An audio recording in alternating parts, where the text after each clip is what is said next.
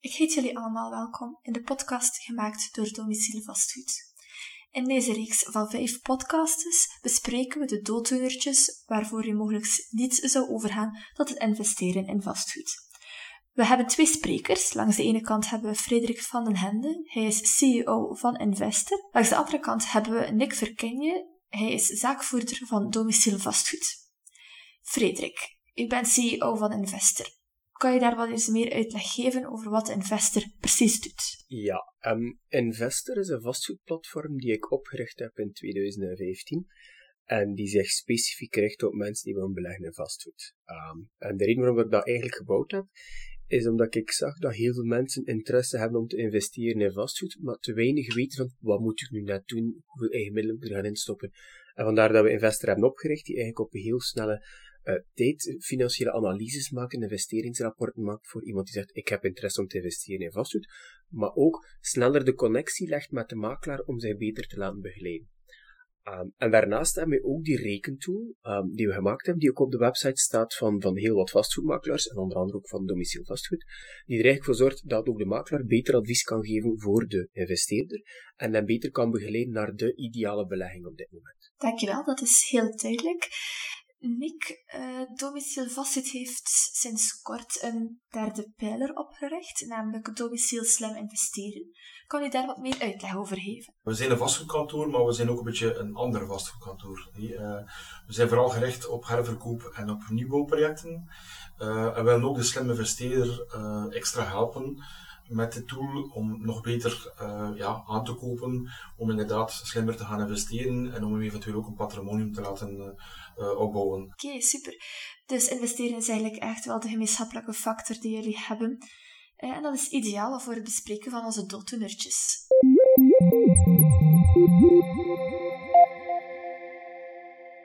De tweede dooddoener die we zullen bespreken is een heel actuele. Het gaat namelijk over de energiekosten zijn de energiekosten die momenteel wat aan de hogere kant liggen effectieve valkuil? En zou dat een reden zijn waarom dat je mensen zou afraden om te investeren?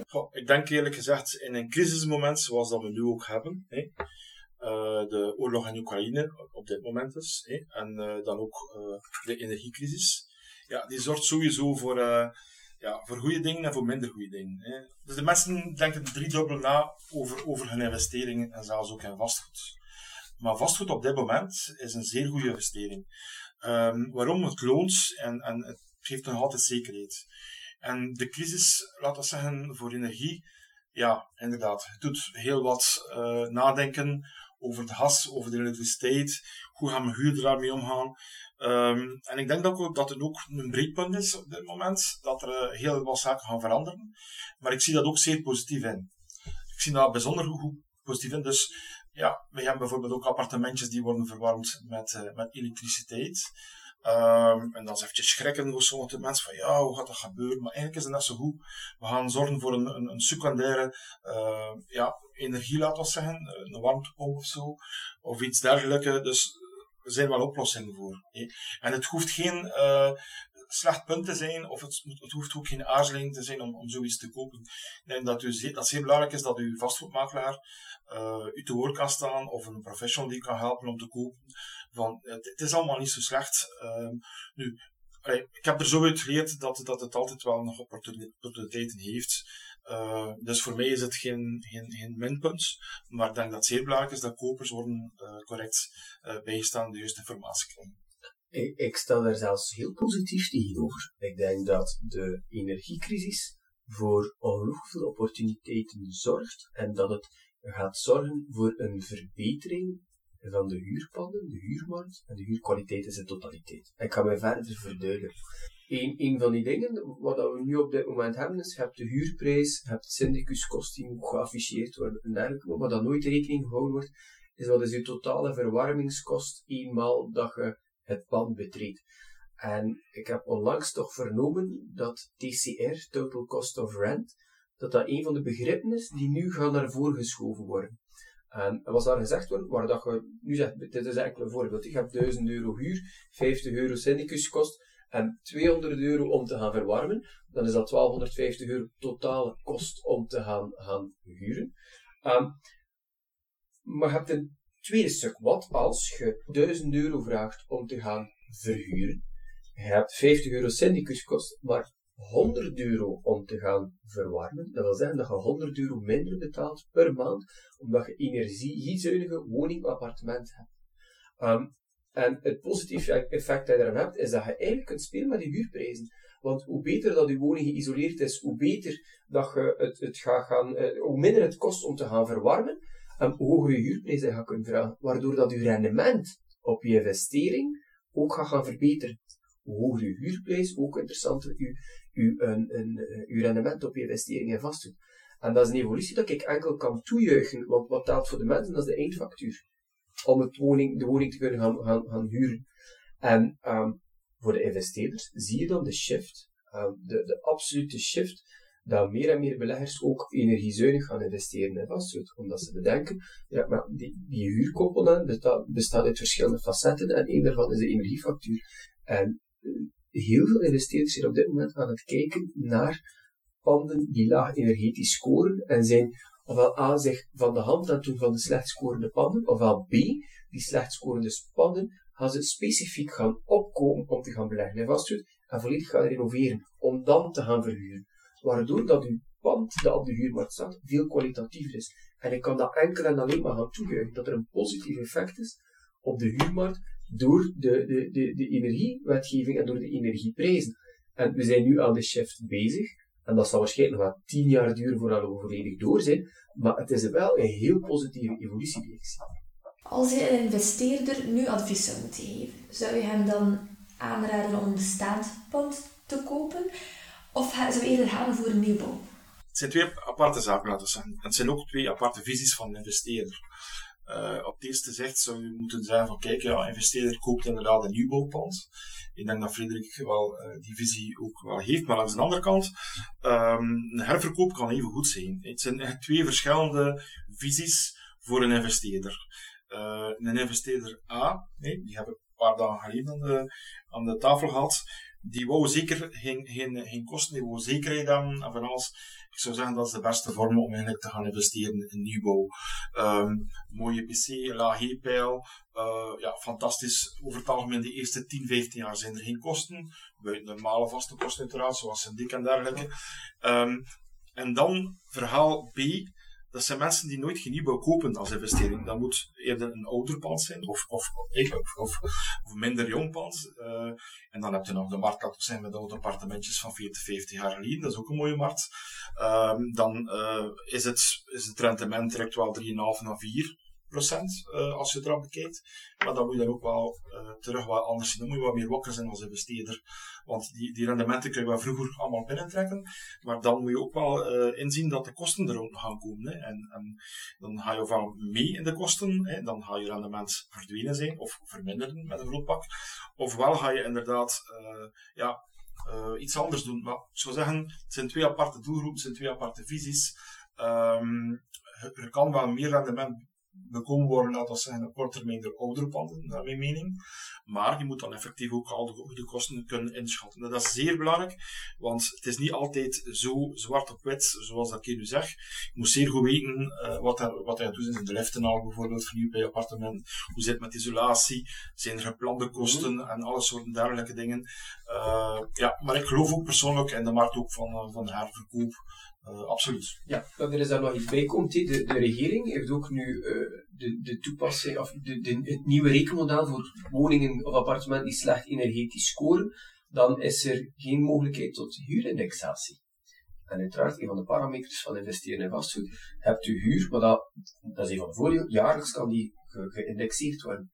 Wat heeft de regering beslist? Door de hoge energieprijzen, de slecht scorende panden op het vlak van, van energie, die kunnen niet geïndexeerd en zullen dezelfde tarief blijven zoals de jaren voordien.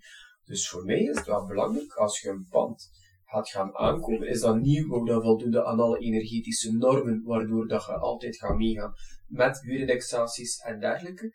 En de bestaand vastgoed die heel slecht scoort, kan je daar nog altijd aan voldoen, maar dan moet je een renovatiekost gaan voorzien. Dus er is sowieso voor beiden zijn er oplossingen mogelijk. Um, uiteraard, het grote verschil is, ga je gaan investeren in nieuwbouw, dan zit er onmiddellijk met volledige BTW en zo, die dat aankomt. Um, plus, als het gebouw er nog niet staat, dat je nog even moet wachten om je rendement te gaan halen. Bij bestaand vastgoed, ja, kan je altijd gaan renoveren en energetisch renoveren, waardoor je opnieuw weer aan alle voorwaarden voldoet. Dus beiden zijn voor mij even interessant. Alles hangt af van je eigen investeerdersprofiel. Zeg je van, ik ga specifiek voor nieuwbouw, ik ga specifiek voor bestaand vastgoed die nog iets ga verhuren. Of zeg je, ik ga voor bestaand vastgoed dat ik volledig wil renoveren. En die drie zijn beiden evenwaardig, maar je moet natuurlijk voor jezelf al de keuze gaan maken, wat is uw belang, wat vind jij interessant en wat wil jij specifiek in, in, gaan beleggen. Ik heb ook gelezen dat, uh, dat vanaf 1 september dat er ook een mogelijkheid bestaat uh, via mijnverbouwpremie.be uh, ook te gaan investeren. En dat is renteloos, een renteloze lening die je kunt krijgen. Uh, als ik goed voor heb, is dat 50%. Dat 50% moet uh, energieverbeterend zijn. Dat kunnen ramen zijn, en glas en dubbelglas. Dat kan de verwarming op zich zijn, de ketel en dergelijke zaken. Uh, en dat maakt het ook wel interessant als je daar wilt gaan investeren. Maar als het goed voor hebt, is dat enkel privé en is dat niet van je vennootschap. Dus als je een tweede of een derde eigendom wilt uh, gaan, uh, gaan investeren, dan kan het ook op deze manier om dan te gaan verhuren. En tot 60.000 euro. Tot 60.000 euro. 60 ja, ja.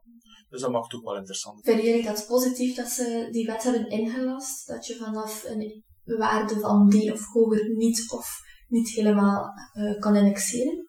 Dus uh, dat hebben ze al vastgelegd nu, uh, onlangs, met die crisis, met onze energiecrisis, laten we zeggen. En dat gaat inderdaad wel aanzetten ja, voor die huisjesmakerij, die nog hier en daar wel nog een keer bestaat, niet meer zoveel, maar om toch iets mee te doen, um, om, om inderdaad de, het juiste label, om ja, toch wel een goed uh, binnenklimaat te krijgen in, de, in de verhuurde woningen of de appartementen. Ik, ik denk dat dat een heel positief effect is, want als je kijkt naar ons woonpatrimonium van België, dan zijn we ongelooflijk oud als je dat met andere landen vergelijkt. En op energetisch vlak scoren wij voor onze totaal woningbestand niet goed. En ik denk dat dat opnieuw, ik ga blijven daaraan, een heel positief effect is dat mensen nu gaan investeren in de woning om het energie beter te maken. Maar investeren wil ook zeggen dat er daar een rendement uitkomt. Want die investering dat je doet om dat pand energie beter te maken, gaat ook een return kennen op 10, 20, 25 jaar. Waar dat vroeger allemaal mensen zeiden, ik trek het mij gewoon niet aan. Um, want het is toch maar op te verhuren. Ga je nu zien dat er een heel direct rendement eruit terugkomt. En ik vind dat een fantastische evolutie, zeker met de, klimaatdoelstellingen moeten halen en zo. Um, ik kan dat enkel maar positief toejuichen. Deze regel of wet is nu ingelast voor één jaar. Denken jullie dat ze deze zullen verlengen? Absoluut. Ik weet niet dat jij dat ziet, maar ik geloof absoluut dat de enige weg naar de klimaattoestellingen, dat dat ook zit in de bevolking activeren om minder energie door de daken te jagen. En als je daardoor niet meer kunt indexeren, gaan meer mensen geneigd zijn om te renoveren of te investeren. Dus ik denk dat dat onomkeerbaar is, maar uiteraard met de politiek weten we nooit. Goh, ik vind ook uh, het verhaal van de IPC, dat is al uh, ontstaan, ik weet niet, 15 of 20 jaar terug. Als je nu nog niet bezig bent en alles met energie en al, dan weet ik het niet goed, eerlijk gezegd. Hè. Door, allee, ik, vind, ik vind het maar meer of normaal, eerlijk gezegd, alles. Wat zouden jullie doen om een pand energiezuinig te maken als investeerder? Eerst en vooral, als ik kijk voor mijn privématen, we zijn bezig om ook een verbouwing te gaan doen. We gaan alles op warmtepomp gaan doen, uh, batterijen. Het is nog net iets te duur om batterijen op te slaan. Uit een appartementsgebouw is dat niet mogelijk, maar vloerverwarming, laag uh, energie, um, werken met zonnepanelen, wij zetten daar heel hard op in. Um, uiteraard, zit in een appartementsgebouw, dan heb je daar meer problemen mee. En je ziet het verschil tussen um, mensen die een appartement gekocht hebben voor eigen woning en mensen die het gekocht hebben als belegging. En mensen die het voor eigen woning gekocht hebben, die zeggen ja, laten we ook investeren in zonnepaneel. Maar ik denk, als de term TCR, Total Cost of Rent, doorkomt, dat ook de investeerders gaan geneigd zijn om te gaan werken met uh, zonnepanelen en ervoor zorgen met duurzame energie. Wat dat belangrijk is, als je kijkt naar de nieuwe wetgeving omtrent verkavelingen, daar is er nog geen aansluiting meer van het gasnet. Dus je ziet effectief dat de weg van de, dat we meer en meer verwijderd gaan zijn van het verbruik van fossiele brandstoffen. Dus ik ben ongelooflijk van om met laag energetische woning te gaan werken, heel geïsoleerde woning te gaan werken. Um, en dat we van gas, stookolie sowieso, denk ik dat we voorbij zijn. Maar dat we gaan volledig op de elektriciteit gaan zitten en dat we ja, zelf opwekken van energie. Dus ik loop een beetje misschien voor, maar als ik nu nog een belegging doe in vastgoed, gaat die zijn waar dat mijn e-pijl ongelooflijk laag is. En ik, heb dat een drietal jaar geleden gedaan. Ik heb een woning gekocht en met e-pijl 15 mijn huurder heeft nu een, het is een woning van 200 vierkante meter bewoonbaar, um, heeft nu een, een, een, energiefactuur van 30 euro per maand. Ja, die huurder is ongelooflijk blij. En ik ben ook blij met dergelijke uh, indexaties, want mijn huurprijs gaat ongelooflijk naar boven in januari. Terwijl dat bij anderen al die slecht scoren gaat die niet naar boven. Maar mijn is ook tevreden, zit met een energiefactuur van 30 euro. Nog met de terugdraaiende tellers natuurlijk. Ik heb uh, persoonlijk een mooie verandering gezien de laatste zes maanden, negen maanden, uh, betreffende de mede-eigendom van appartementen. Uh, dat zijn bijvoorbeeld appartementen die enkel verwarmen met elektriciteit, bijvoorbeeld. Um, de vraag is ook groot geworden bij de algemene vergadering van kunnen we zonnepanelen leggen. Hè? Meestal zijn er nog garages achteraan of zo. En die mogelijkheden worden bekeken. Nu, pas op, het gaat niet zo vlug. Maar ik merk wel dat, dat vele mede-eigenaars er wel voor openstaan. En die dus vanaf volgend jaar uh, de, de investering gaan doen. Uh, iets wat ik niet, zelf niet wist, is dus dat je als mede-eigenaar zelf uh, kan instaan voor de hele voor de hele investering, als, voor, voor zonnepanelen bijvoorbeeld. En dan kun je gewoon dan zelf aankopen als eigenaar of als huurder. Dat is een zeer interessant gegeven, want het is, ja, inderdaad, als je een klein blokje hebt van drie of zes of zo, dan zou je wel apart kunnen doen, maar dat is niet zo efficiënt. En zeker niet met de daken die dus in mede-eigendom zitten. Maar ja, ik zie er wel een positieve beweging. Ik weet ook al verschillende blokken die sowieso volgend jaar uh, verschillende zonnepanelen hebben. En dat is inderdaad een, een, mooie opportuniteit, een mooie opportuniteit om dus met die mede-eigendom dat doen en dat te gaan mm. verdelen. Sowieso. Die met ik vind dat fantastisch. Laadpaal binnen een appartementsgebouw, om die ook te kunnen gaan voorzien voor de mede-eigenaars. Er is daar heel veel stress rond in bepaalde blokken, maar ik denk enkel hoe sneller dat je, dat je die laadpaal hebt, die kunnen ook geld opbrengen. Mm dat is dan niet stil, een laadpaal brengt geld op als je dat ook in je mede-eigendom staat. Misschien zijn er inderdaad ook wel mogelijkheden om uh, met die mede-eigendom, die appartementblokken, ook uh, inderdaad uh, thuisbatterijen aan te kopen. Dank jullie wel. We kunnen dus besluiten dat energiekosten niet per se een valkuil zijn om niet te gaan investeren en dat er ook heel veel middelen bestaan om een niet-energiezuinige woning een heel energiezuinige woning te maken en deze kost dus wat te gaan verminderen. Dank jullie wel om te luisteren en beluister onze andere podcasts om meer te weten over andere dooddoenertjes. Tot dan!